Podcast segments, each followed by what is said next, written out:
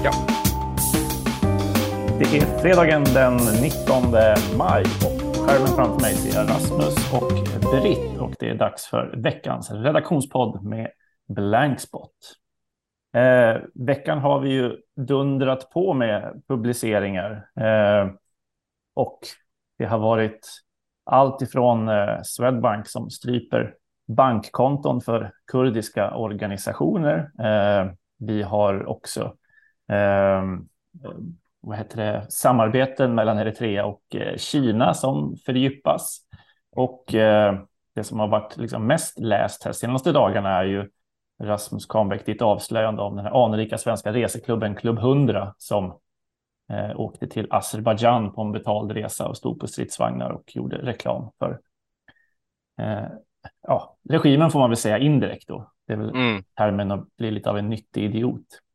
Eh, vi har ju nämnt, nämnt det här kort under veckan och ni som har, följer publiceringarna har ju säkerligen läst dessa texter. Men jag tänkte Rasmus, vad har du fått för, för reaktioner i veckan? För det här är båda, alla publiceringar som så att säga ger ringar på vattnet. Eh. Ja men absolut, utan det, är ju, eh, det har varit jättekul att lyssna på er den här veckan. Eh, ni är ju morgonpigga. 05.30 ja. har ni ju varit uppe och ja. poddat, ja. så att ni har ju nämnt det lite. Jag som är mindre morgonpigg sätter igång och jobbar vid sju, halv åtta. men Känn hetsen från oss som är uppe tidigt. ja, precis. Det, nej, det får stå för er själva.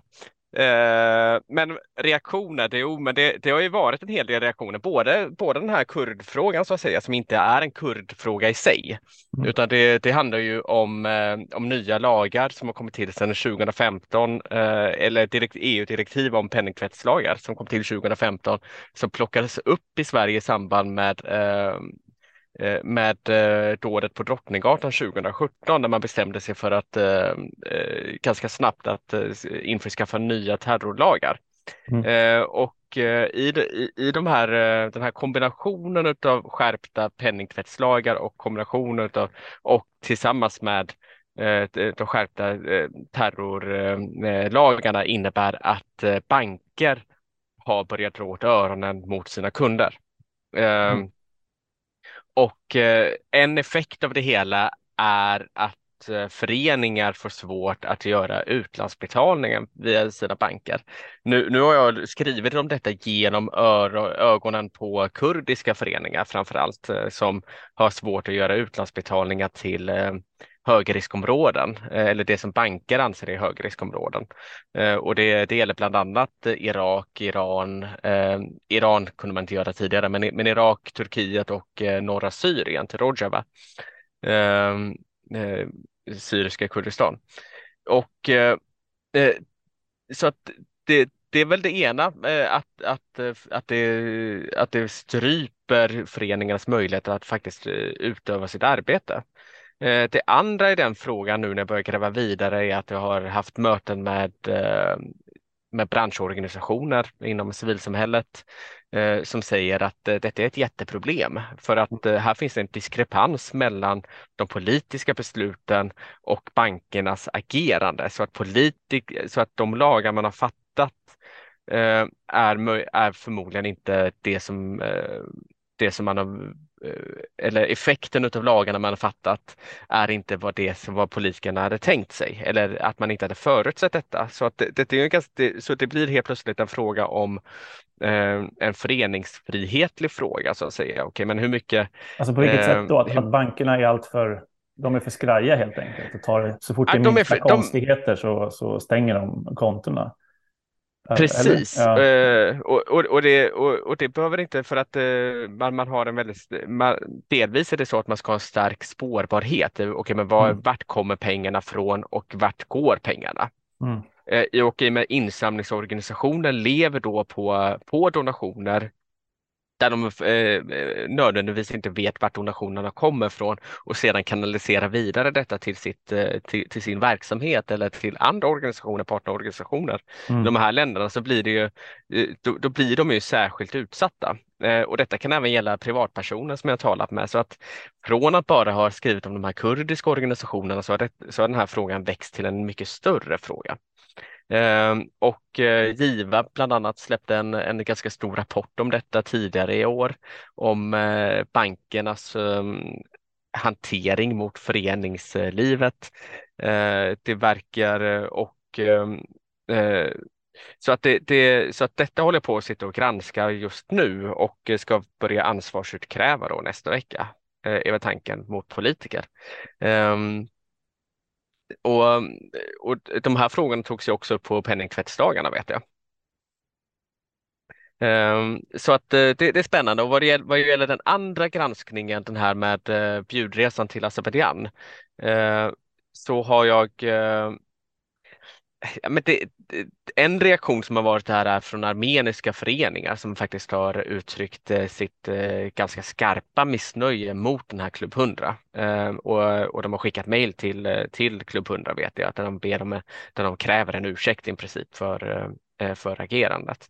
Ehm, men det andra är att liksom, när man börjar med den här typen av granskningar så får man ju ofta tips och det andra tipset jag fått in är ehm, människor som är ganska tätt kopplade till eh, de azerbajdzjanska eh, ambassaderna runt omkring i Europa och eh, eh, vittnar om att det sker finansiella transaktioner mellan ambassaderna och ett antal personer som har någon form av plattform att uttrycka sig på. Så att jag vill inte säga för mycket om det, men jag sitter och gräver i det för tillfället. Det kommer nog ta ett par veckor innan jag kan publicera någonting om det. Ja, spännande.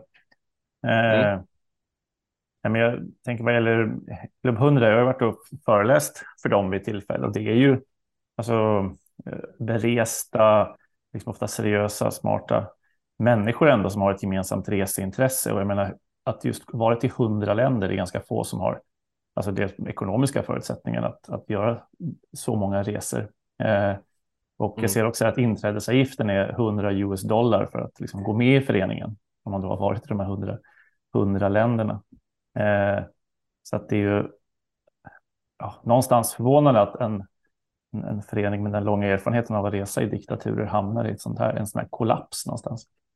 Och eh, mm. eh, det, det säger vi något om, om eh, just det där alltså kaviardiplomatin, tjänster, gentjänster, man tänker om här har de betalt, man har fått en middag, ja, jag kan väl ställa upp på en intervju och, och så förstår man inte hur det uppfattas då av människor som, som är förvägrade att resa till de områdena och, och för vilka den här, liksom, som lever och andas den här konflikten på ett annat sätt. Det, det är ju, mm.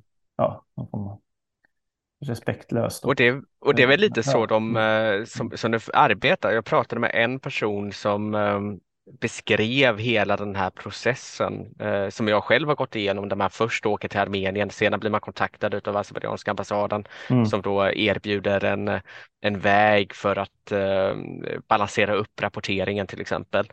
Mm. Och sedan helt plötsligt kommer man in i maskineriet och man, och man kommer närmare och närmare och närmare makten och man får och, man, och de bjuder en på middagar och det ena med det andra och till sist så kanske det till och med blir finansiella transaktioner. Mm.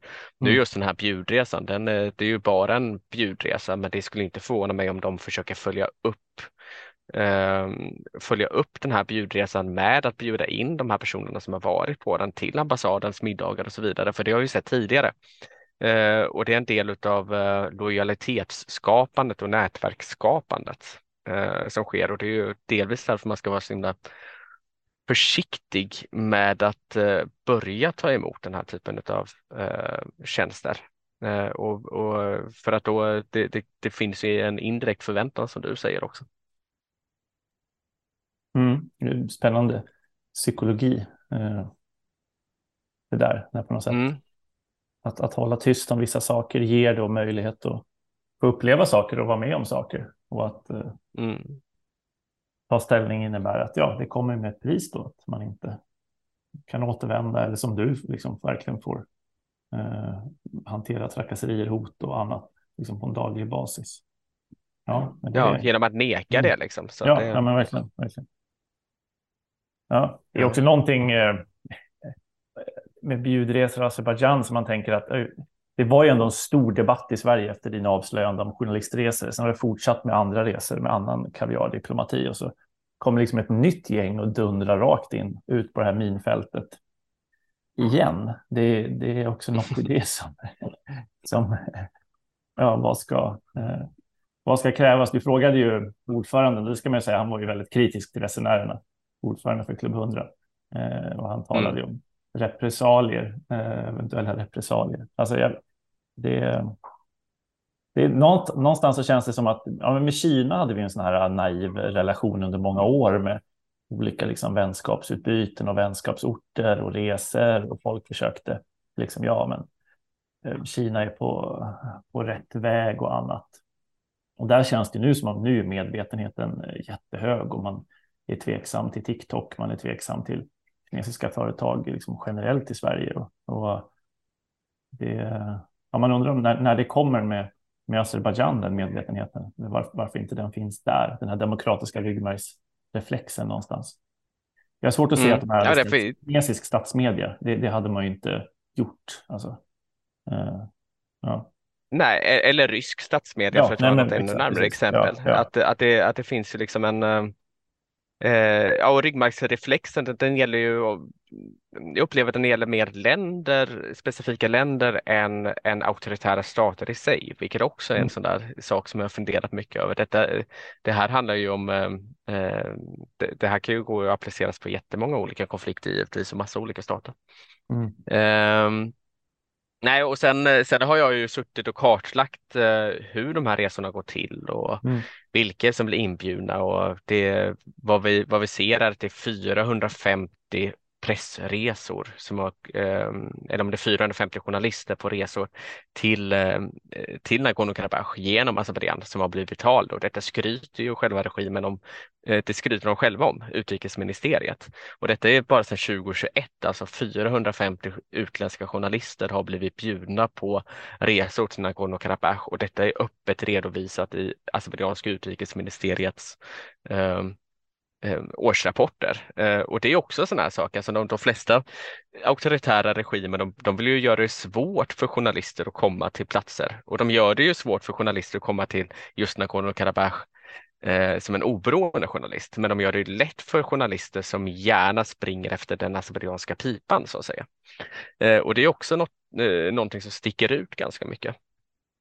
Um, vi ser också att eh, hittills är det väl ungefär 200 turister som åkt på de här resorna, så de här svenskarna är inte de enda. Eh, det är ungefär 200 forskare, utländska forskare som åker till, åker till de här platserna eh, och det är ett stort antal politiker och vi har ju skrivit om de här på eh, Blankspot. Eh, så att jag tycker det säger någonting om inte bara det säger väldigt mycket om Azerbajdzjan och den här konflikten, men det säger ju också någonting om hur auktoritära regimer faktiskt arbetar för att köpa inflytande eh, och eh, på så vis också ehm, eh, existera, i, samexistera med västvärlden. Ja, spännande. Jag tänker också på det som väl kommer hända nu med, med Saudiarabien inför deras VM-ansökan 2030. Eh, man får ha lite koll på, på resor, mm. resor dit och Eh, där, ja, den, den sportswashingen som komma skall kring, eh, kring det landet någonstans. Ja. Eh, ja, nej, men spännande. Det är, det är ett högt läsvärde och stort intresse märker man ju för, för de här eh, granskningarna, verkligen. Eh, mm.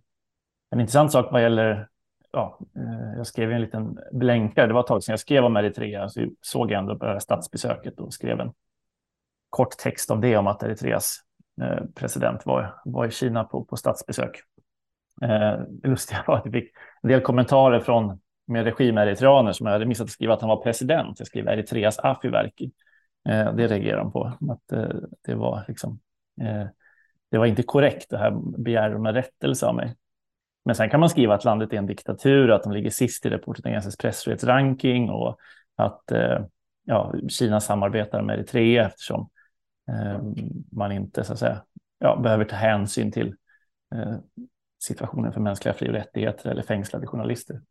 Det är helt, det är helt okej. Det, det, det, är någonting i det som, ja, men, ja, som sammanfattar lite, eh, ja, men som säger mycket om om den eritreanska stoltheten. Att absolut, skriv gärna det här om oss, men, men, eh, men slarva inte med titulera eh, vår liksom, Ja, men det där blir ju lätt när man mm. skriver om, om pers personer man har skrivit om så ofta. Ja, eh, jag vet att jag har varit på den grejen ibland i gräser eller så, att det bara står mm. ett obegripligt namn för den icke oinvigda helt mm, enkelt, mm, eller ett mm. okänt namn. Ja, ja. Eh, de hade ju rätt saker.